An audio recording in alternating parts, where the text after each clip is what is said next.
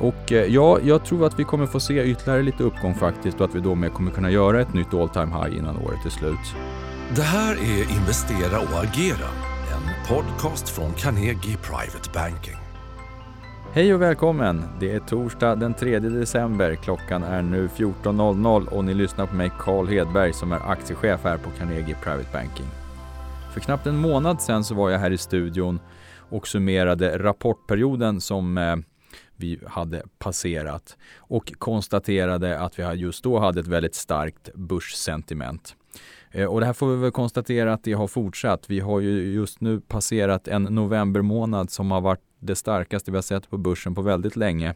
Tittar vi på den amerikanska marknaden så kan vi se att de större, större indexerna har haft sin bästa månad sedan egentligen 1987 och tittar vi på småbolagsindex så finns det faktiskt egentligen inga månader eh, i historiken som har varit bättre än november månad.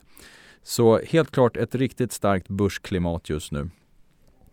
Och eh, jag tyckte också att vi skulle titta lite grann på hur är läget på marknaden just nu då och hur vi tycker man ska agera i sin portfölj framåt inför julen och sen övergången till det nya året. Och sen tänkte jag slutligen att vi skulle nämna en aktie som vi tycker ser intressant ut för för nästa år. Men om vi börjar då med marknaden så kan vi ju konstatera att vi helt klart har ett fortsatt starkt börssentiment. Vi har ju haft en väldigt stark novembermånad. Eh, inledningen på december har väl fortsatt ungefär i, i samma riktning men i en lugnare takt då.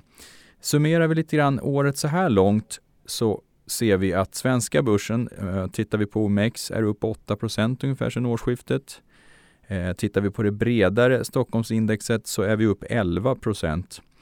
Och eh, blickar vi bort mot den amerikanska marknaden så ser vi då att S&P 500-indexet är upp ungefär 13 procent sedan årsskiftet. Och den tekniktunga Nasdaq-börsen som är upp hela 37 procent. Och dessutom gjorde nytt all time high här bara för någon dag sedan. Eh, vi har också sett att det här volatilitetsindexet VIX har börjat komma ner närmare normala nivåer. Så att helt klart så har vi ju en, en stark aktiemarknad och investerare som fortsatt är positiva. Eh, och det här står ju i en ganska rejäl kontrast mot den situationen som vi hade i februari och mars. Där det snarare var osäkert om hur det här året skulle fortsätta i en riktigt fallande trend eller inte. Men eh, vad ska vi då tro framåt? Kommer vi få se ett nytt all time high här innan året är slut? Och eh, ja, jag tror att vi kommer få se ytterligare lite uppgång faktiskt och att vi då med kommer kunna göra ett nytt all time high innan året är slut. Och det här tror jag kommer vara drivet av då framförallt att vi får se fler positiva vaccinnyheter. Eh, det finns ju ett antal pågående vaccinprojekt som, som fortfarande ska presentera resultat. Eh, men de som har presenterats har ju varit faktiskt väldigt positiva. Eh, och jag tror att vi kommer få se mer i, i den vägen. Så att det här tror jag kommer göra mer och mer att, att marknaden och investerare kan börja se förbi de här negativa effekterna av pandemin och att vi kan börja blicka framåt mot ett mer normalt läge då som förhoppningsvis kommer synas då under andra halvåret nästa år. Och jag tror att eh, vi kommer se en hel del eh, uppdämd efterfrågan både på konsumtionssidan men på investeringssidan också då, som kan ge stöd till aktiemarknaden in på det nya året. Eh, vad tror vi då här i det närmsta perspektivet då? Ska vi se någon rekyl efter den här starka novembermånaden eller kommer vi se mer av en konsolidering? Ja, hittills har det ju varit mera en sidledes rörelse, en konsolidering helt enkelt.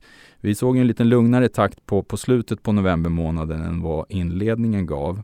Men jag tycker ändå att det här är ett ganska starkt tecken på marknadens sentiment, att det inte kommer en, en rörelse nedåt direkt efter den här snabba uppgången. Så att jag tror att vi kommer se ytterligare lite mera sidledes rörelse under december månad innan vi sen gör en ny rörelse uppåt. Och som sagt, helt klart ett styrketecken som talar gott för inledningen på nästa år. Och tittar vi lite grann vad det här också för med sig, ja men det är ju helt klart så att det ger ett starkt eh, noteringsklimat.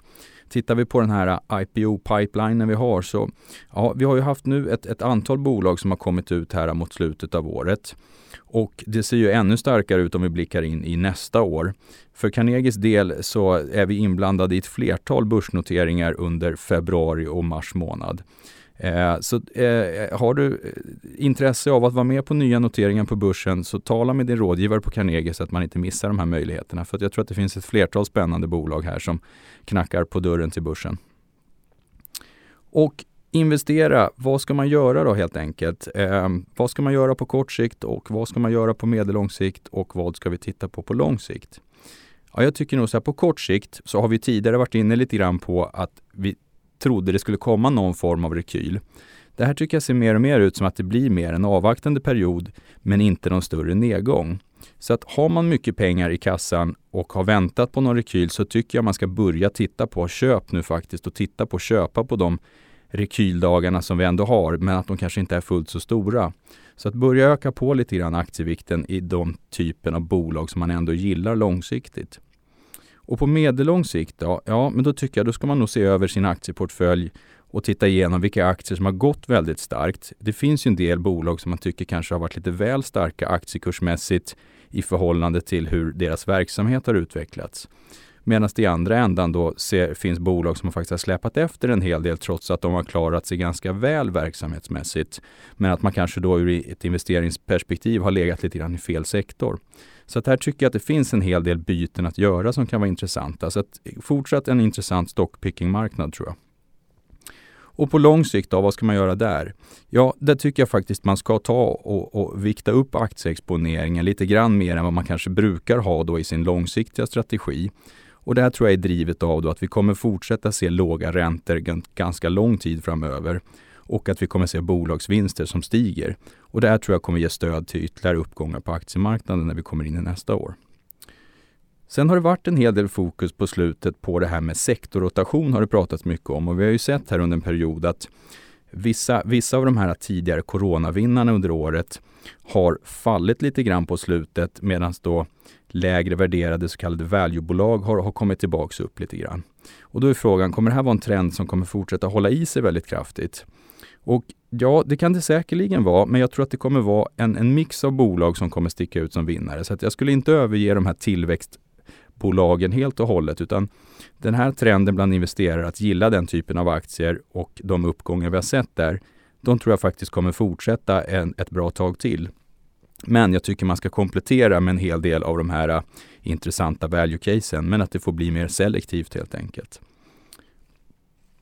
Och tittar vi då lite mer specifikt, något intressant aktiecase att titta på som vi tycker man kan ha fokus på när man går in i nästa år. Ja, då skulle jag säga Fortnox är, eh, är en intressant aktie som eh, vi har tagit upp bevakning på här rätt nyligen. Eh, och Fortnox då är ett månbaserat redovisningstjänstföretag.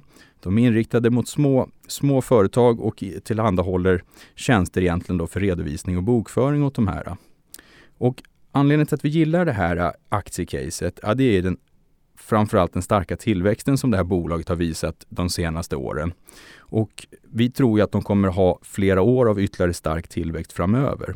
Och det man också har lyckats göra i den här starka tillväxtfasen, det är att göra det med väldigt god lönsamhet. Och det här är väl då dels en effekt av att man har ett väldigt konkurrenskraftigt pris på det här. Det upplevs inte som en dyr tjänst av de här företagen som använder det. Men det är tillräckligt eh, lönsamt för att faktiskt fortsätta att växa kraftigt.